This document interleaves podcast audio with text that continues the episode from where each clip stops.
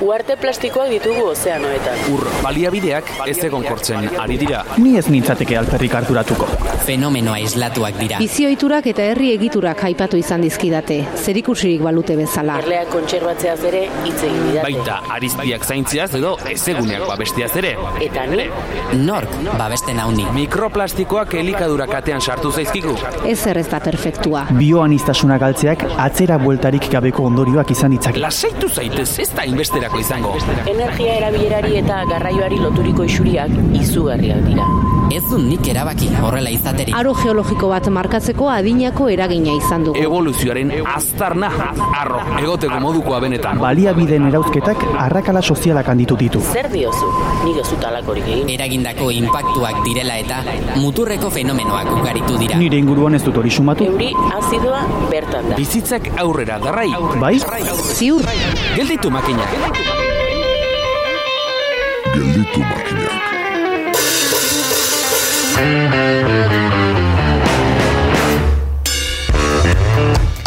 Ez gara izaki sedentarioak, dena esatera, urrun dauden lekuak gero eta gertukoagoak ditugu.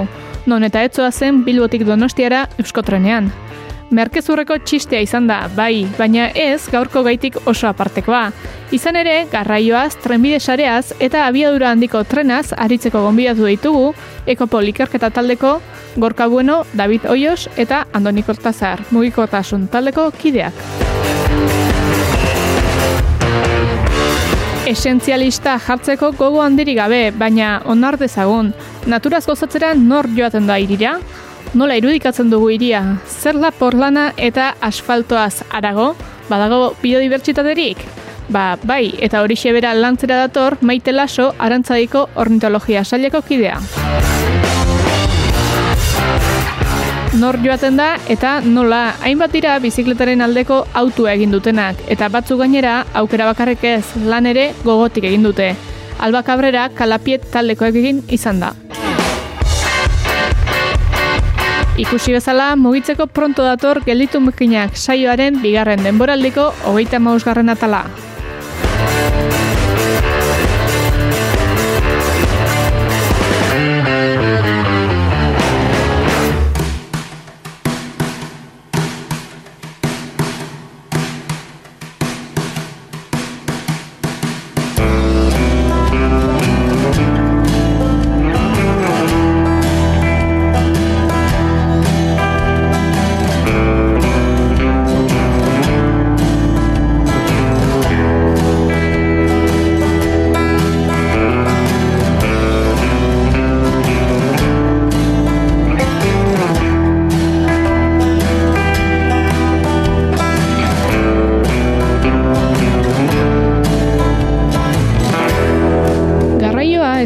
Ezinbesteko arlo bilakatu da gaur egungo bizimoduan. Urrik irakinak zebilkien tren hartatik ordea deixente aldatu da kontua. Gaia zaritzeko ekopoleko kide den eta EHUko irakasle den gorka bueno ingenieria batetik, bestetik Andoniko Tazar ekonomialaria eta hirugarrenik David Oios ekonomialaria hau ere gonbidatu ditugu ongi etorri hiruroi. Kaixo. Kaixo. Kaixo, eskerrik asko. Tira, zuekin garraio ereduaz, Espainiako trenbide sareaz eta Euskal HTA zariko gara, baina lehenik eta behin garraio sistemari orokorrean helduko diegu. Nola dago egituratuta Euskal Herria garraioari dagokionez?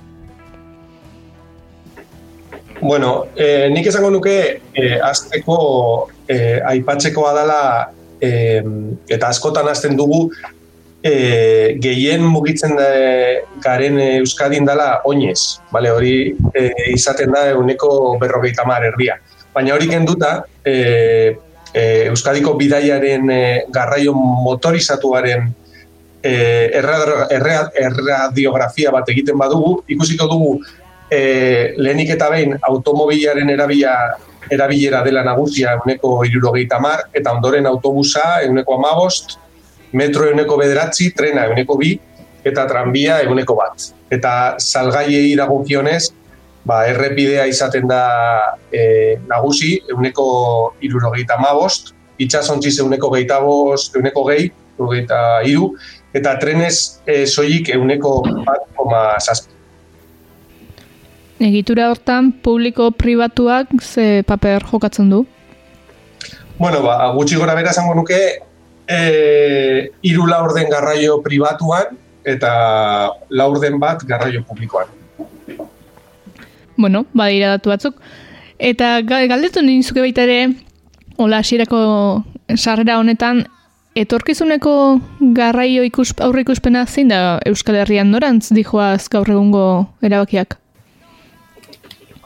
Bueno, horretarako be, igual gero e, gehiago komentatuko dugu, baina nik e, e, kontuen hartu behar dugu gaur egun e, nola klimaren larrialde globaliko egoera batean gaudenez, ba, hartu, kontuan hartu behar dugu Europak e, kompromesu e, daukadan kompromesuak eta e, berotegi efektuko gazen isuriak erdira murriztu beharko dira 2000 eta hogeita marrerako, hemen dik e, sortxi urtera, eta e, eta lortu nahi da bai e, 2000 eta berrogeita marrerako karbono neutraltasuna.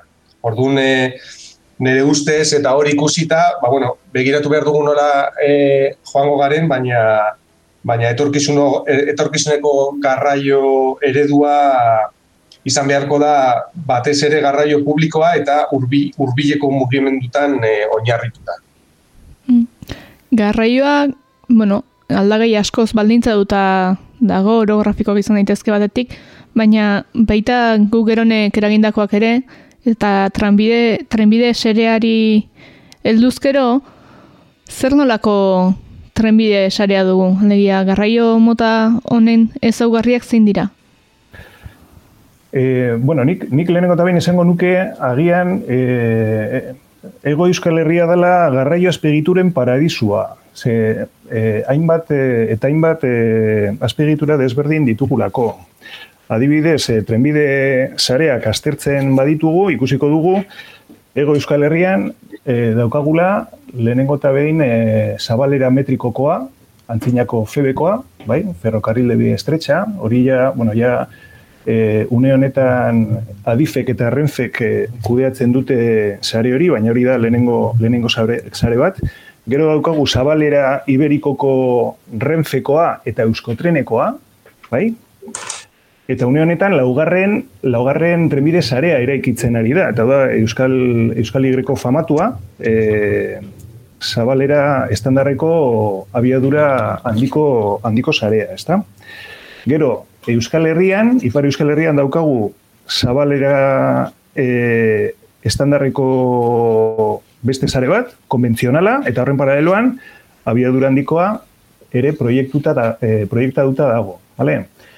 printzipioz merkantziak sare, e, sare horietatik guztietatik mugitzen e, edo mugituko dira, noizbait, eus, e, ipar e, Euskal Herriko abiadura handiko sarearen bidez izan ezik.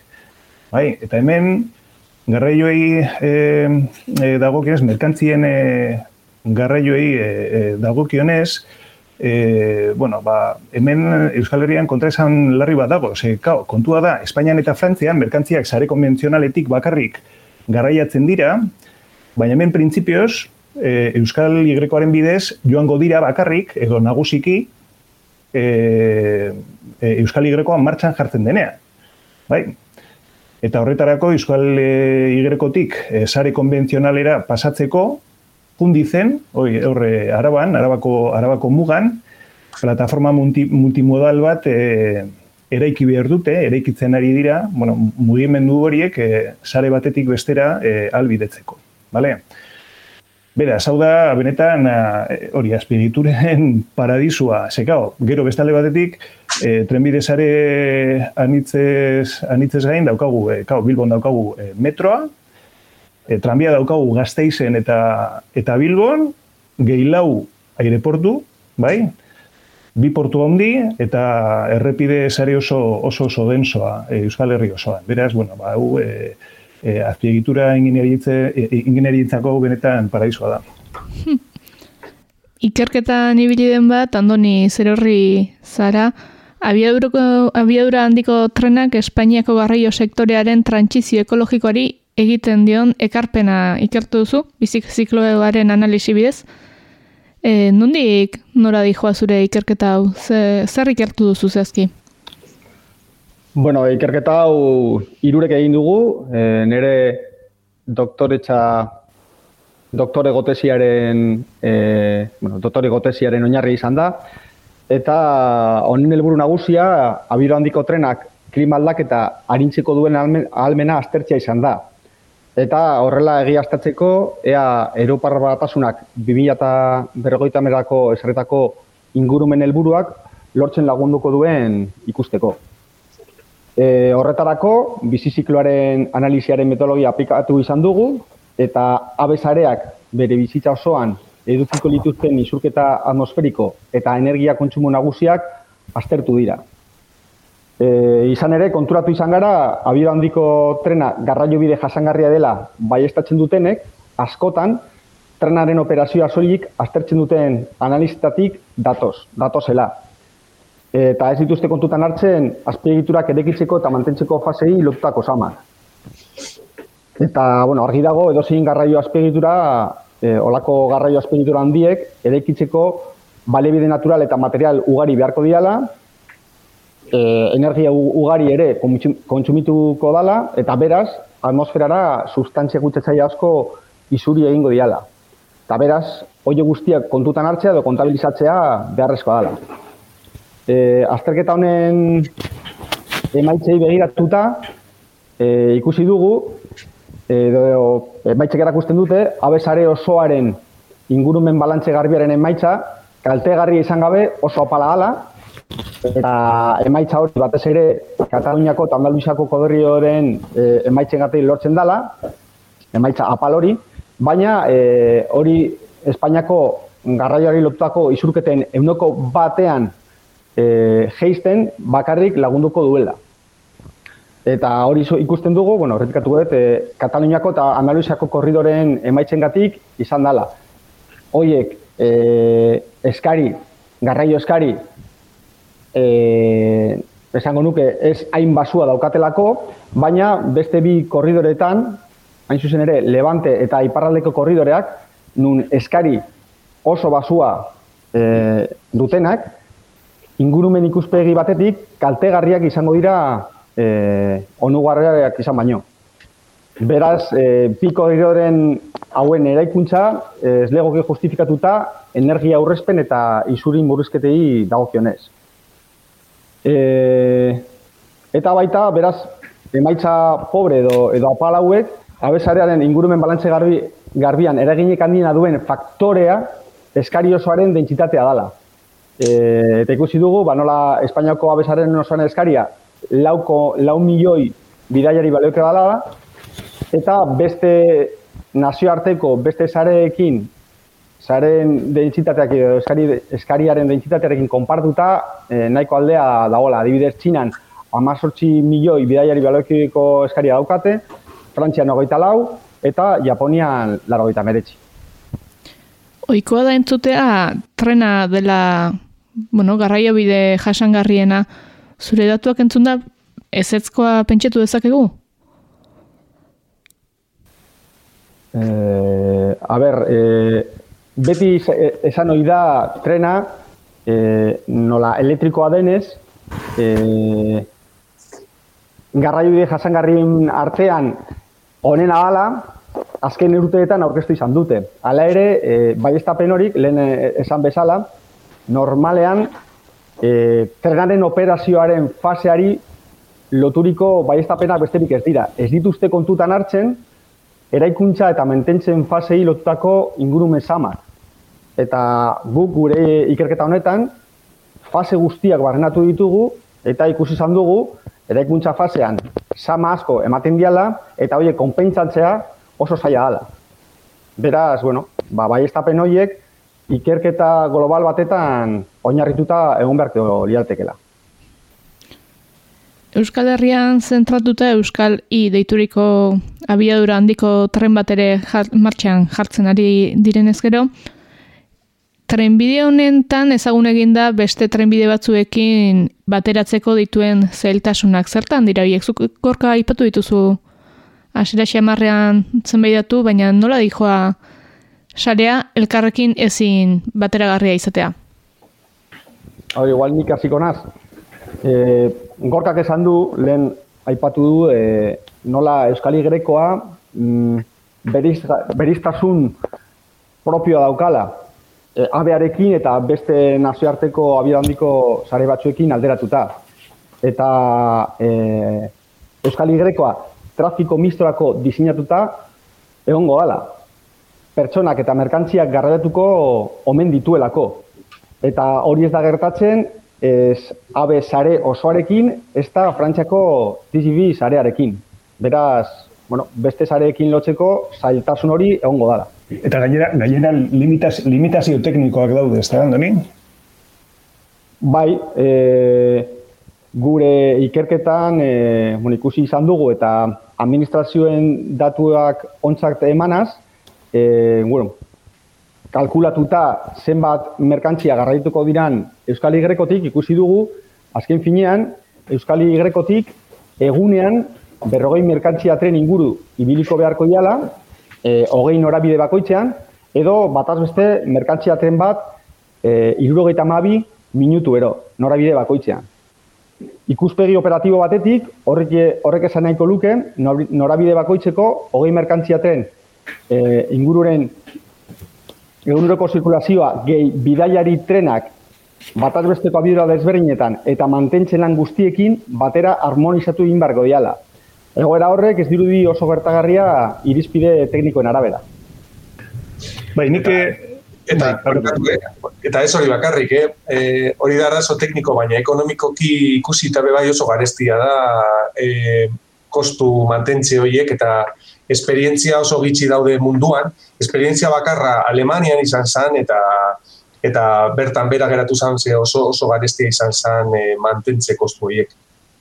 Barkatu gorka, bai. Bai, nik uste dut garrantzitsua dela e, Euskal Igrekoaren datu, datu batzuk e, aipatzea e, e, bueno, aztertuta daukagu, bueno, prinsipioz ez dakigu zehatz mehatz e, bueno, ba, personen garraioa nolakoa izango den, baina bueno, horri ikuspen batzuk e, badaude, administrazioak eginda, eta guk e, horietan oinarritu, oinarritu ditugu gure ikerketak. Eta bueno, datu e, horret, horietan ikusten da, printzipioz, aurre ikusitako persona kilometro guztien e, eguneko berrego egitsi gora bera, Bilbo, Gasteiz eta Donosti artean izango dirala, bale? Gero, beste bosten bat, hau da, euneko hogei, izango da e, Madril, Madrilere, e, Madrilerakiko e, konexioa, bai? Madriletik e, e, mugitzen diren personak. Gero, beste amarren bat edo, euneko amar inguru, izango da Bartzelonako konexioa. Gero, beste euneko hogei, izango da e, nasiarteko konexio, hau da, Lisboaraino joaten direnak eta Madrid eta Paris artean e, mugitzen mugitzen direnak. Eta gero geratzen geratzen zaigu beste, bueno, beste 10 10 bat, e, bueno, beste leku batzuekiko konexio konexioekin, ezta? Galicia, Asturias, Castilla eta bar, ezta? Eh, beraz, eh, mugimendu nagusiak dira Euskal Herri barrukoak eta gainera azpimarratu behar da garraio zerbitzu hori nahiko eskasa dala. Vale? E, garrai, e, garraio zerbitzuaz az, azpiegituretan neurtzeko erabiltzen den e, adierazlea da garraio densitatea. Vale? Garraio densitatea da e, garraio kopurua, persona kilometro, zati e, azpiegituraren e, lusapena. Ezta? E, horrek ematen digu bidaierien kopuru bat. Eta hori da, bidaierien kopuru baliokidea suposatuz urtean bakoitzak e, sare osotik mugitzen dala. Bale? Adirazle hori nahiko abstraktua iruditu daiteke, baina oso baliagarria da printzipioz oso desberdinak diren azpiegiturak konparatzeko. Eta horregaitik posible da, adibidez, Txinako azpiegitura, Japoniakoa eta Euskal Igrekoa, e, erka, e, erkatzea adirazle bakar baten bidez, printzipioz kontuan hartuz e, sare guztiak desberdinak dirala, bai? Eta hori da guk egin duguna, e, e, lehen andonik aipautako e, e, bidaiari kopurua oi, e, adirazle hori da, eta arduan zer ikusten da. Ikusten da, Euskal Herrian, Euskal Igrekoaren e, hori ba, e, bidaiari kopuru baliokidea dela iru milioi baino pizkatxo bat gehiago. Eta hori oso, oso, oso kopuru apala da. E, erreferentziarako, Bilboko metroan, Bilboko metroan, e, e, bidaiari baliokideak urte osoan dira amairu milioi. Bai? Frantziako abiadurandiko sarean, e, kopuru hori da hogei milioi. Bai? Txinan, azken urte hauetan, e, nabarmen e, azten ari da kopurua, eta ja, iaia, hogeita mar milioira heltzen da.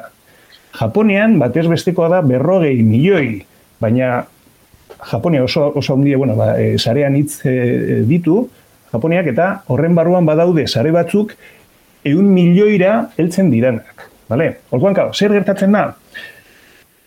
E, Bueno, Andonik, e, e, bueno, lehen esan du, ez da, e, e, kao, azpiedituren e, ingurumen samak oso garrantzitsua eta ekonomikoak oso garrantzitsuak dira, baina, kao, gero horiek, e, e, persona, e, hori, bidaiari kilometro guztie, e, guztien artean banatu behar dituzu.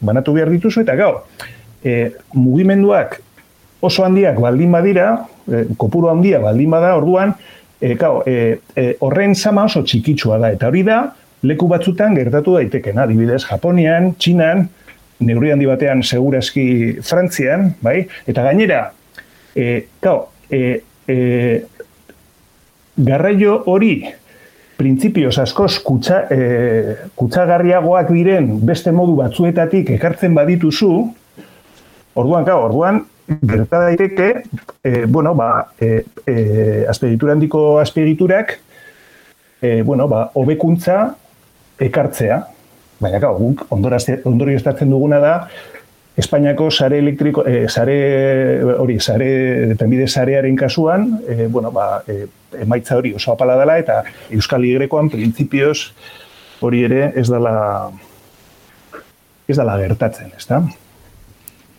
Bideiariak aipatu dituzue, baina salgaiak ere mugituko dira. Horietan ez dago errentagarretasunik edo hori hortan ez luke aurrera penik ekarriko? Ez, ez litzateke hortik justifikatuko bintzat, HTA? A ber, e, bueno, nik erantzun. E, gure azterketan, ematen dian, e, bizizikloaren, azterketaren emaitza, e, apalak izango dira, kontutan hartuta, administrazioak ematen duten merkantzien garraioa errespetatuta.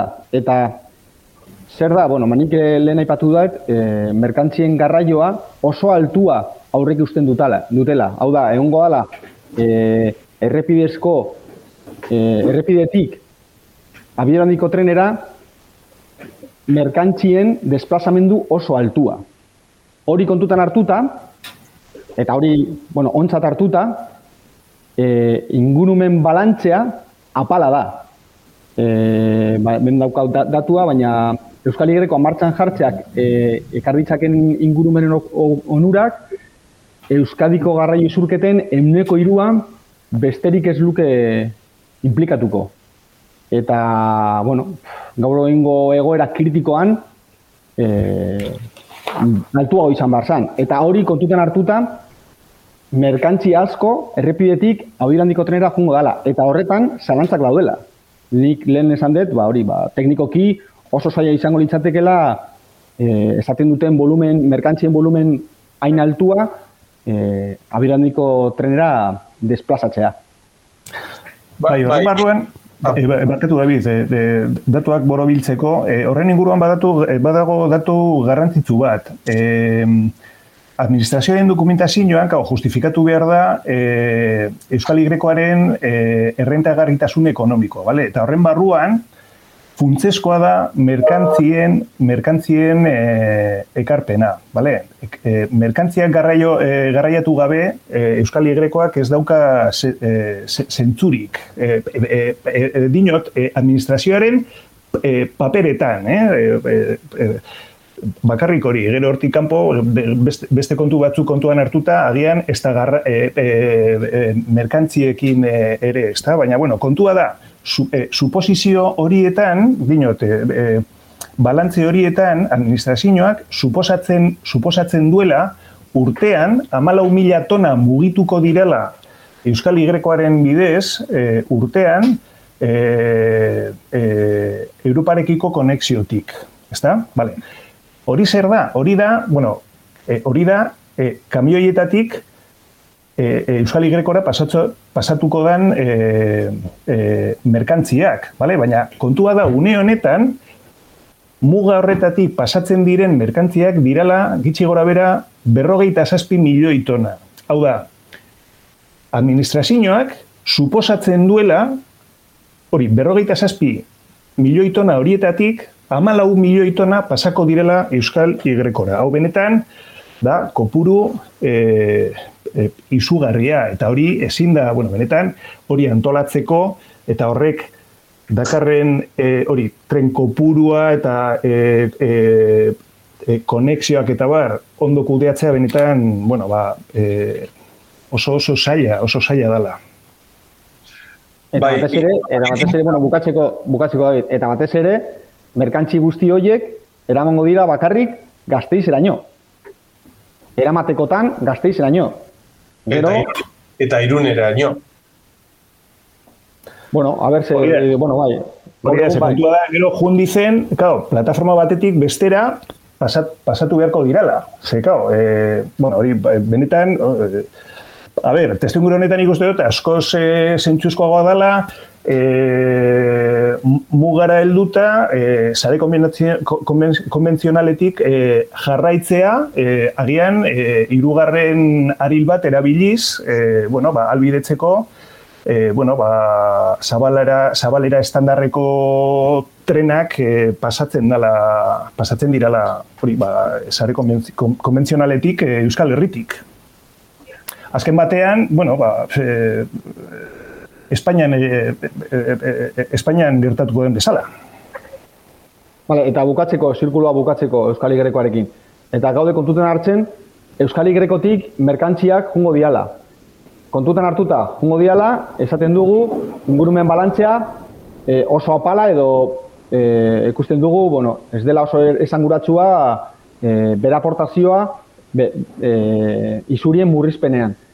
Baina kontutan, ez ba, kontutan hartzen badugu, azkenean igrekotik merkantziak ez direla joango, hau da, izkoal igrekotik bidariariak soilik pungo balirate, pungo balira, e, guri ikerketaren balantze horren emaitza e, oso kaltegarri izango da.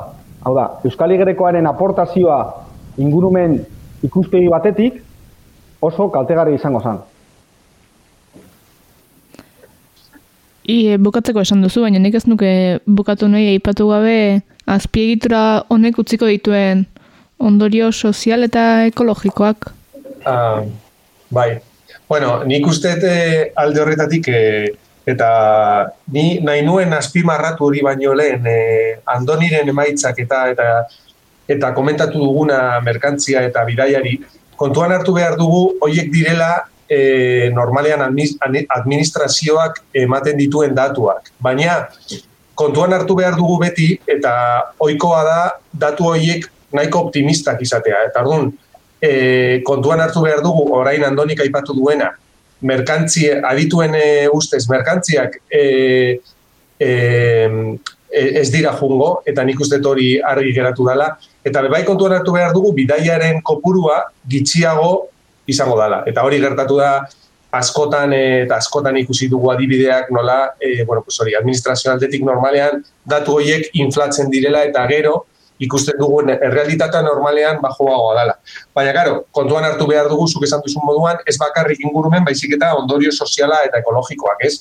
Horregatik, aspaldian, e, aspalditik egindako analisi ekonomikoak kontuan hartzeko e, ondoro, ondorio guztiak, emaitzak bat datozela andonik e, ingurumen analizian lortu e, e, emaitzekin, ez? Eta alde horretatik argi geratu da e, ez Euskal Igrekoa, baina baizik eta e, abia, Espainiar abiadura handiko linea Espainiar bat ere ez dala errentagarria batez ere e, e, igerekoaren kasuan bezala bidaiaren e, kopurua txikia dela, ez? Eta e, emaitz hoiekin bat datoz bai aldizkari akademikoetan e, argitaratutako azterlanak, bai Espainiako, Frantziako, Portugaleko, Europako kontu, kontu ausitegien e, kanpo evaluazioak, eta e, oindela gitzi, oindela urte pare bat, Espainiako zerga gintzari den e,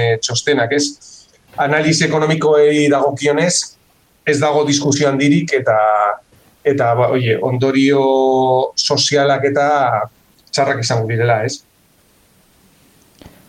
Euskal Igrekoari daukionez eta bere lanak aurrera gatu xamar dauden honetan, aukera bat alda bertan bera ustea obra hauek. Biar moldaketarako aukerarik badaukate? Bueno, a ber, ni, obra bukatuko dituzte eta nik uste dut martxan e, ikusiko dugula igreko. Ez dakit noiz, baina bueno, e, badirudi geltoki, behinbeineko geltokiekin, bueno, ba, hemendik e, urte batzutara martxan jarri jarriko dutela. Baina hori bai, e, proiektu hau betorkizuneko beranaldi usten diegun sor ekonomiko eta ambientala bezala historiara pasako da, e, bueno, historiara pasako den proiektu faraonikoa izango da. E, gaur egun daukagun krisi klimatiko eta naturali erantzuna emateko, azpiegitura berrien eraikuntza azkeneko neurrien artean egon beharko zen. E, eta mugikortasun jasangarriaren ikuspegitik, azpiegitura berriak eraiki beharrik gabe, garraio sektorean ingurumen inpaktuak are gehiago murriztu ditzaketen beste aukera batzuk badaudela.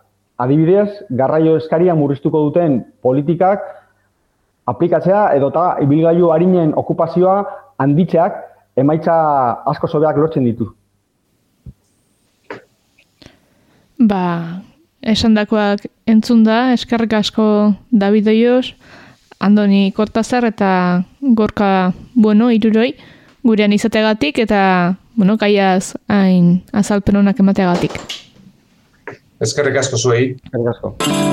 Gelditu makinak, naiz irratian, Eli Pagorarekin. Mugikortasunaren gainean dabil kalapietaldea eta albakabrera eurekin izan da.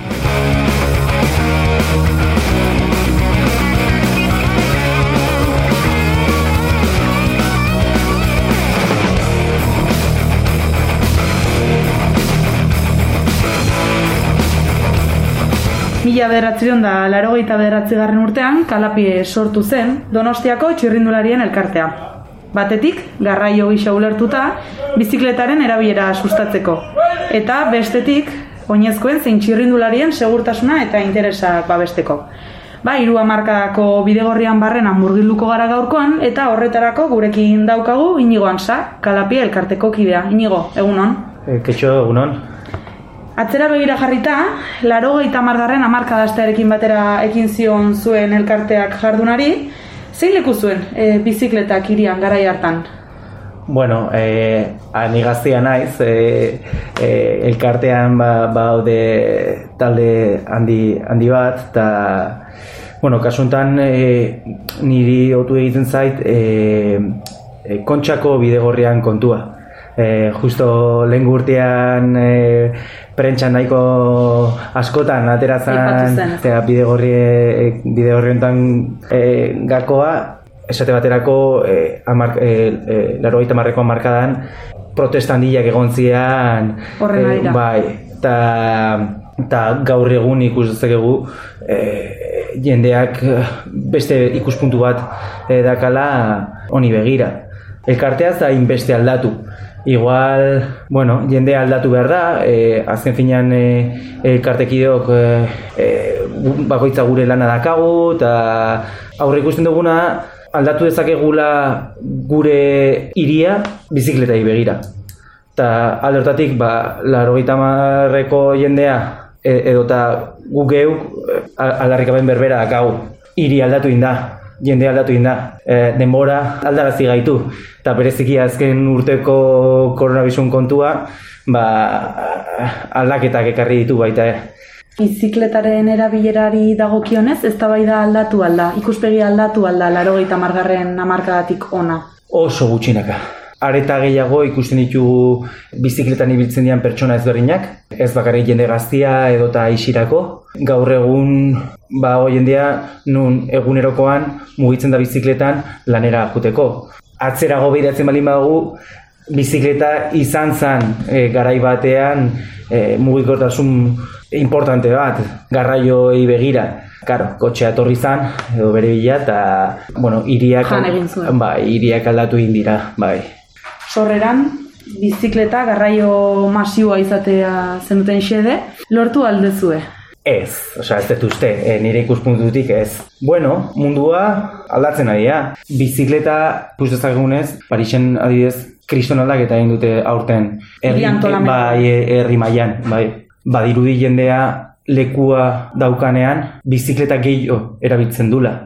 Gaur egun donostian, baditugu bidegorri e, batzuk nun interesgarria dira jendeantzat e, erabiltzeko, baino batzuetan ez dira e, hain erosoak, edo ez da nahikorik, eh? Are, gehiago, gehiago behar da beti, beti gehiago behar da. Eta muga ura lortzeko, ba, igual egila da kotxiak lekua galdu beharko luketela. Nire ikuspuntutik berriro ere, karo, elkartean jende ezberdina gaude. Gaur ni nabil bozera maile bezala, beste egun batean, beste norbait. E, nire ikuspuntutik kotxea erabilgarria da, bai. Baina beste era batera erabili beharko genduke. Eta alde hortatik ni pentsatzen dut irian lekua galdu er- egin behar dula berriro ere. E, bizikletak eta oinez, oinezkoak beren lekura bueltatzeko.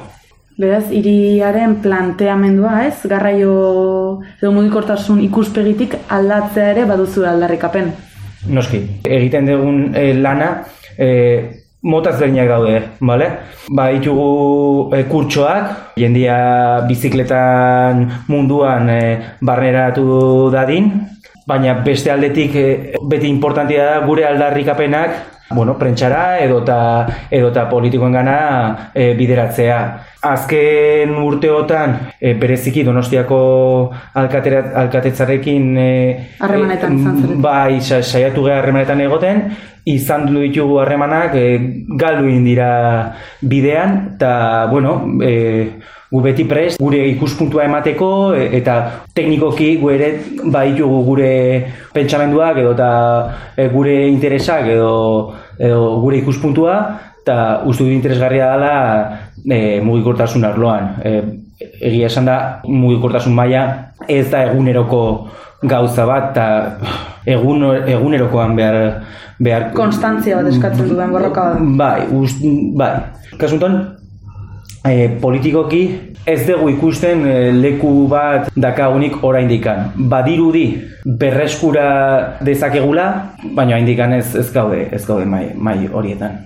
Oraindik ere, e, gaia mai gaineratzea aldera aurrera pausoak eman behar direlakoan zaude beraz. Bai, bai. Adibidez, aurten atera plan berri bat, nun e, 2008 irurako almendra deitzona itxi nahi duten, eta kasu honetan oso ondo ikusten dugu elkartetik, baina egia esan da, Europatik datorren legeri bat da.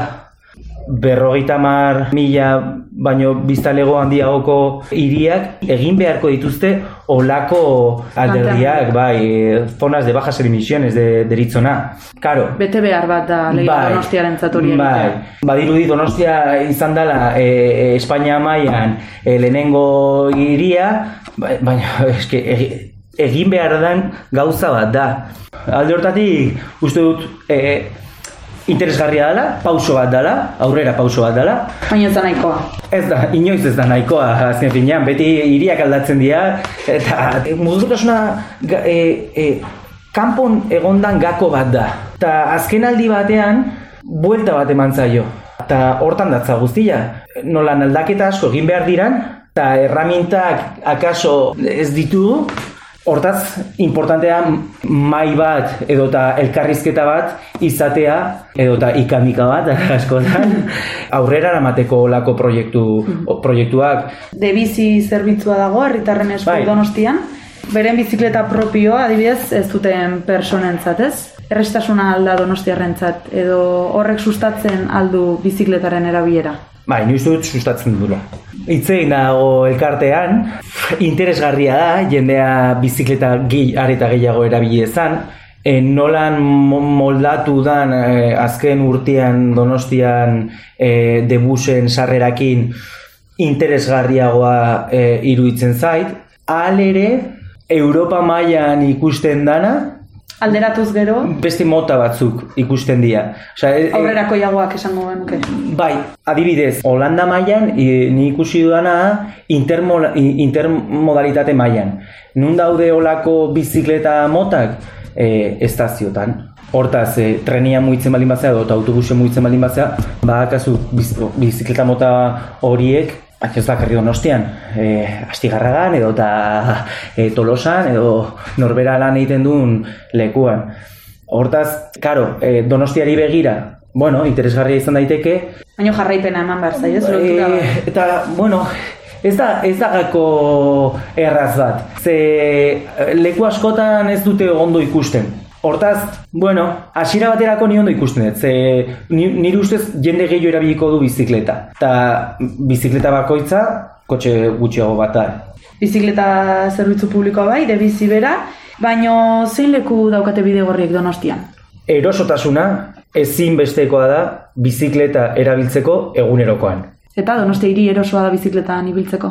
Erdi erosoa, eh, esan genezake. Ez dira bakarrik eh, bidegorriak, eh? Infrastruktura eh, gehien partez. Intermodalitatea leheno komentatu dugu oso importantea baita, eh? Bizikletan non utzi, baita, eh? Alde hortatik, eh, Gabeziak ikusten dizkiozu, bai, hiriari. Bai, iria pauso asko eman behar ditu, dirua behar da hor- hor- horretako. Eta Eh, inbertitzeko. Bai, e, bakigu kotxiak bai ditugula e, irian eta jendeak behar ditula gaur egun, eta ez dakila e, bere bizitza kotxeri gabe e, e- egin.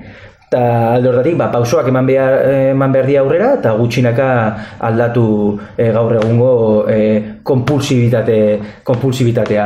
Bidego horrei begira handiagoak izan beharko lirateke, e, e, askotan bakarrik e, alde batera, ez, ez bi, bi, e, bi direkzio, bi direkzionalak, e, bueno, gauza batzuk alda, alda daitezke, baina bueno, erdi, erdi onak, esan genezake. Erdi erosoak. Bai, hori da.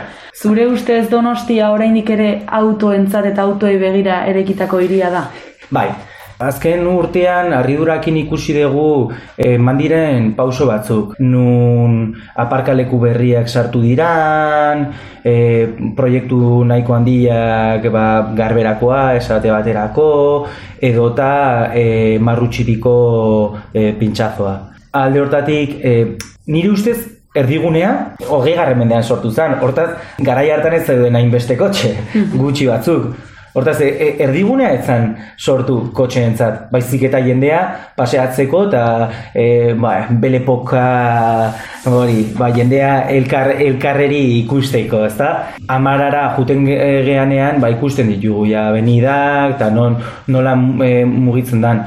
Bueno, posible da, posible da kotxeentzat mantendu leku bat, eta beste leku asko berreskuratu bizikla, bizikletaren eta gehien partez, e, gu elkartean hitz dugu askotan bizikletari ze erraminta bat da, baina importantena hemen e, e, e, peatoia da, Oinezkoa. bai, bai, bai.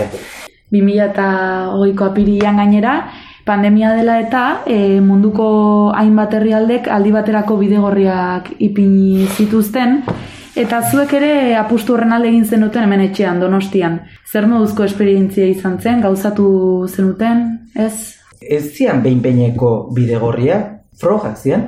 A ber, bidegorri berri bat egiten ez duenean, ez baldin badijua inora, inor ez du erabiliko. Bidegorri bati interes bat eman behar zaio. E, Erabilgarritasuna, ez? Bai, eta askotan gertatu izan dana e, Donosti mailan eta beste herri batzutan aixirako erabili izan diala. Eta kasu honetan gu aurre ikusten duguna da beste era batera erabili behar ditugula bidegorriak eta eraiki behar ditugula bi, bidegorriak. Esate baterako, buen pastor aurretik pasatzen da, igarratzen da e, bidegorri berri bat, nahiko zabala, baina nundik nora dihua. Nork erabiliko inor ez.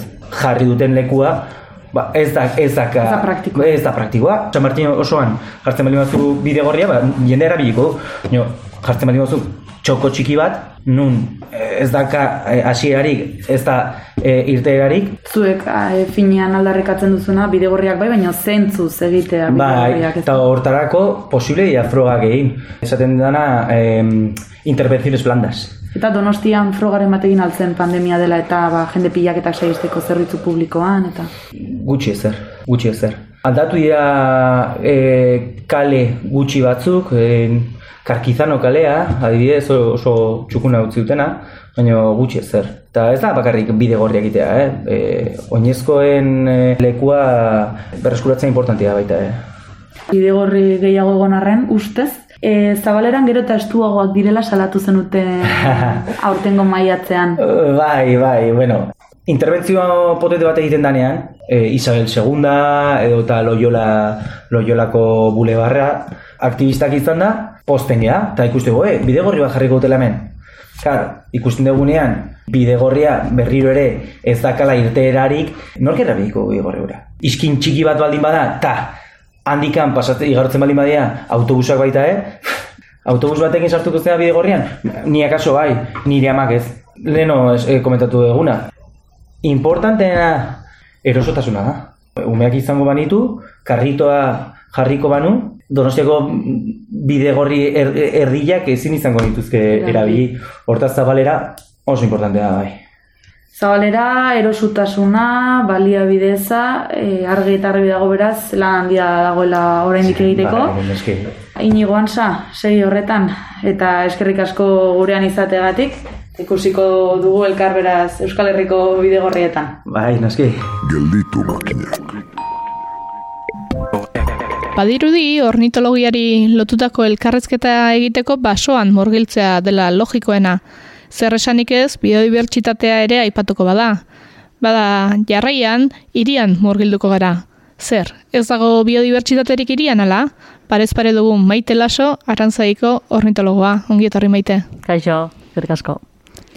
Esan bezala, irian murgilduko gara biodibertsitateaz hitz egiteko eta horretarako duzuen proiektu bat baliatu negenuke iri life izena duena eta Eta jakin nahi genuke proiektuaren nondik norakoak zein diren? Bai, bida, iri live da azkenengo urteetan ustez 2006 edo 2007 urtean hasi genuen proiektu bat, eta da hiri biodibertsitatearen proiektu bat, eta bere helburu nagusia izango zen, ba, hau ikertzea, divulgatzea eta ere bai kontserbatzea. Zer esaten duzu moduan, e, hirietan eta herrietan biodibertsitate asko dago, eta ere ikertu behar da gauz bat, gauz bat da. Eta biodibertsitatea aipatzen dugunean, zertaz ari gara zehazki, zerla, bizi du desberdin asko egotea? Bai, biodibertsitatea da bizi formera niztasuna. Eta beti hoi, beti duitze zaigu, ba, igual mendita edo parke natural eta joan bar gerala espeziak ikustera, baina hirietan espezie asko dauzkagu. Eta mundu mailan azkenengo ikerketak ere ba, biodibertsitatea da hiriko biodibertsitatea azertzen dute. Gure gizakiangoan eragin asko daukelako. Iriak Egazti asko hartzen aldituzte. A priori ez alda bertatik alde egingo luketen eremu bat. Ez, espezie asko, ba, bai indiena da, e, irietara moldatu, eta hirietan azkenen gizakia mundu mailan ba, hirietan bizi gara. Eta orain e, atera berri dugu Donostiako egazti abiagien atlasa, eta egin da Donostiako udalerriko egaztiak azertu, eta atera zaizkigu laro maika espezie abiagie. Eta pixkat jendeak ideia bat egiteko, azken 2000 garren urtean egintzen Gipuzkoako atlasean, egun dago eta bost inguru aterazidan. Beraz, donostia bezalako hiri baten, ja, iaia Gipuzko mailan dauzkagun espezie guztiak aurki, aurki daitezke. Eta espezie horien egoera nolakoa da? Egoera pixkatzaia da esaten, tendentziak ez dauzkagulako, adibidez, e, oain, oain atera berri dugun atlas honetan, hemendik bost tamar urtetara berriro egiten badugu, orduan tendentziak ikusi ikusiko ditugu. Egia da mundu mailan adibidez etxetxolarrea bezalako espeziak, oso espezie iritarrak, beherak ada jasaten ari direla. Badirudi badela adibidez ba, kutsadurangatik, janari faltagatik, Gero hirietan eta herrietan ere gertatzen den arazo handi bat da e, egaztia, egazti askok etxeko zuloak eta erabiltzen dituzte bai babesteko eta bai ugaltzeko. Eta orain gertatzen dena da, ba, berrikuntza bat egiten dugunean, ba, etxe guztiak edo e- eraikin guztiak ba, guztiz isten direla, ez daude lehenako baserriak zuloekin eta bar, eta hori espezie askorentzako eta ez bakarrik gaztientzako kalte dira. Aipatu duzu atlas bat osatu berri duzuela, e, zertan oinarritutako atlasa da, nola osatu duzu atlas hori? Ba, atlas horretan 2006 urtean hasi ginen, hasi que ja bost urteko proiektua izan da, eta egia esan donostiako udaletxeak e, babestu duen proiektua izan da, eta horrelako atlas bat egiten da, bueno, lurraldea kuadrikulatan zabal, e, banatzen da, kuadrikulatan, eta kuadrikula bakoitza muestreatu egiten da. Osa, protokolo zientifiko batzu dauzkagu, Eta proiektu hau oso garrantzitsua izan da, ze estatu mailan bakarrik Bartzelonak dauka, horrelako xehetasunarekin, eta gu izan gara bigarrenak. Eta gainera, ba, herritar zientzia proiektu bat izan da, ze jende asko parte hartu dute, oza, irurogei pertsona baino gehiago parte hartu dute, ba, bai, bai zensatzen, bai egazia kontatzen, eta orduan, bueno, proiektu kolaboratibo bat izan da, eta bertan informazio zientifiko asko agertzen da, Ba hori, esan dudan bezala, laro maika espezie, espezie batzuk babestuta daude edo katalogo berezietan daude gainera, eta eta ere bai, bueno, kontserbazio maila ere aztertzen da. Eta, bueno, e, populazio bakoitzaren zenbakia kontatzen dira ere. Adibidez, atera zaizkigu, hogeita mar mila e, txolarre daudela donostian. Orduan, jakiteko gehi edo gutxigo daude, ba, mendi bost urte eta errepikatze dugunen, ba, gutxigo balin badaude, ba, tendentzia hori esateko gai izango gara. Eta espezie horiek oroar e, donostiako eremuan sakabana duta aldaude edo berezikin nonbait kontzentratzen dira. Ba, liburu honetan e, espezie bakoitza bere fitxa dauka, bere fitxa bazalpen horrekin, eta ikusten da bertan mapa bat jakiteko nun dauden. Donostia ezautzen du, duen jendeantzako, bai daukala eremu hiritarra e, oso oso kontzentratuta eta gero inguruan ingura, ingurabidean dauka ba, bai landa zabala, basoak dauzka Orrun daude espezie batzuk, adibidez, etxe txolarrea edo sorbeltza bezala oso hiritarrak dirala, eta mapan ikusten da zehazki, ba, hiritarrak dirala, eta beste batzuk, ba, ba, adibidez esaterako e, karnaba edola, bare bai ikusten da nola mugitzen dira ingura bidetatik. Bada beste kontu bat, anistasuna, bioanistasuna aipatu dugunean biziformen biziforma desberdinen multzoa aipatu duzuneaz, eta beste kontu bat exotismoa aipatu nahi nizuke. Oroar, atlas honetan agertu diren espeziak bertakoa dira, kanpokoa dira, zein da espezie horien jatorria? E, ba, bai, gehienak e, hemengo espeziak dira, bakarrik espezie inbaditzaile bat agertu zaigu, e, kasu donostiako kasuan, izan dela Japoniako urretxindorra. Da, kanpo, bueno, asian jatorria duen espezie, basoko espezie bada, eta hori bakarrik agertu zaigu. Gainera exotikoa izan da, baina ere bai inbaditzaia da. Hau da, azkenean gure faunari eta gure maila ekologikoan beste espezie arazo sortzen die. Ordu, oraingo zegazien kasuan hori hori bakarri daukagu hemen donostian, baina adibidez Katalunian eta Madriden ba, dauzkate arazo asko ba, kotorrekin, eta beti pentsatu behar da, ba, kanpotik datorren espezie askok kalte egiten diotela gure biodibertsitateari eta hori ere kontrolatzeko gai izan bergara. Inbaditzailea eta exotikoa bereizi dituzu, espezie exotikoak bioanestasunerako kalte izan litezke?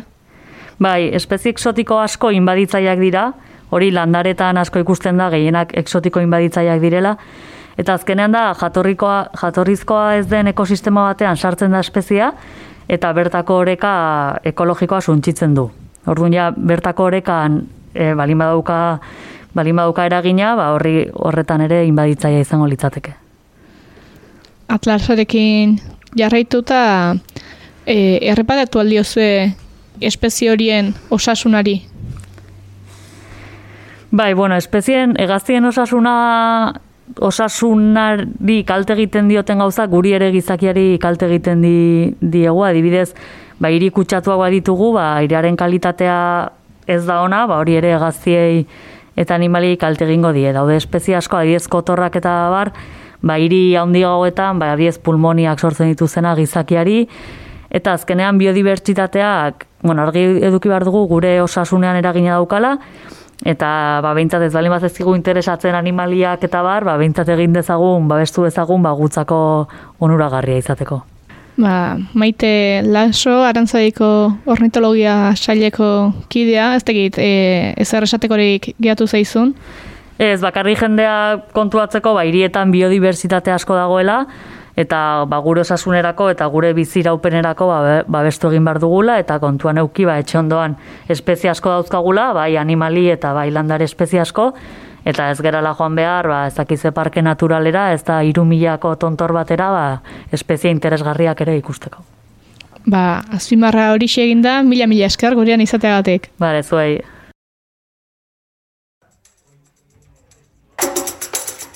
Ibilian, ibilian, heldu zaio hogeita mausgarren atalari azken geltokia.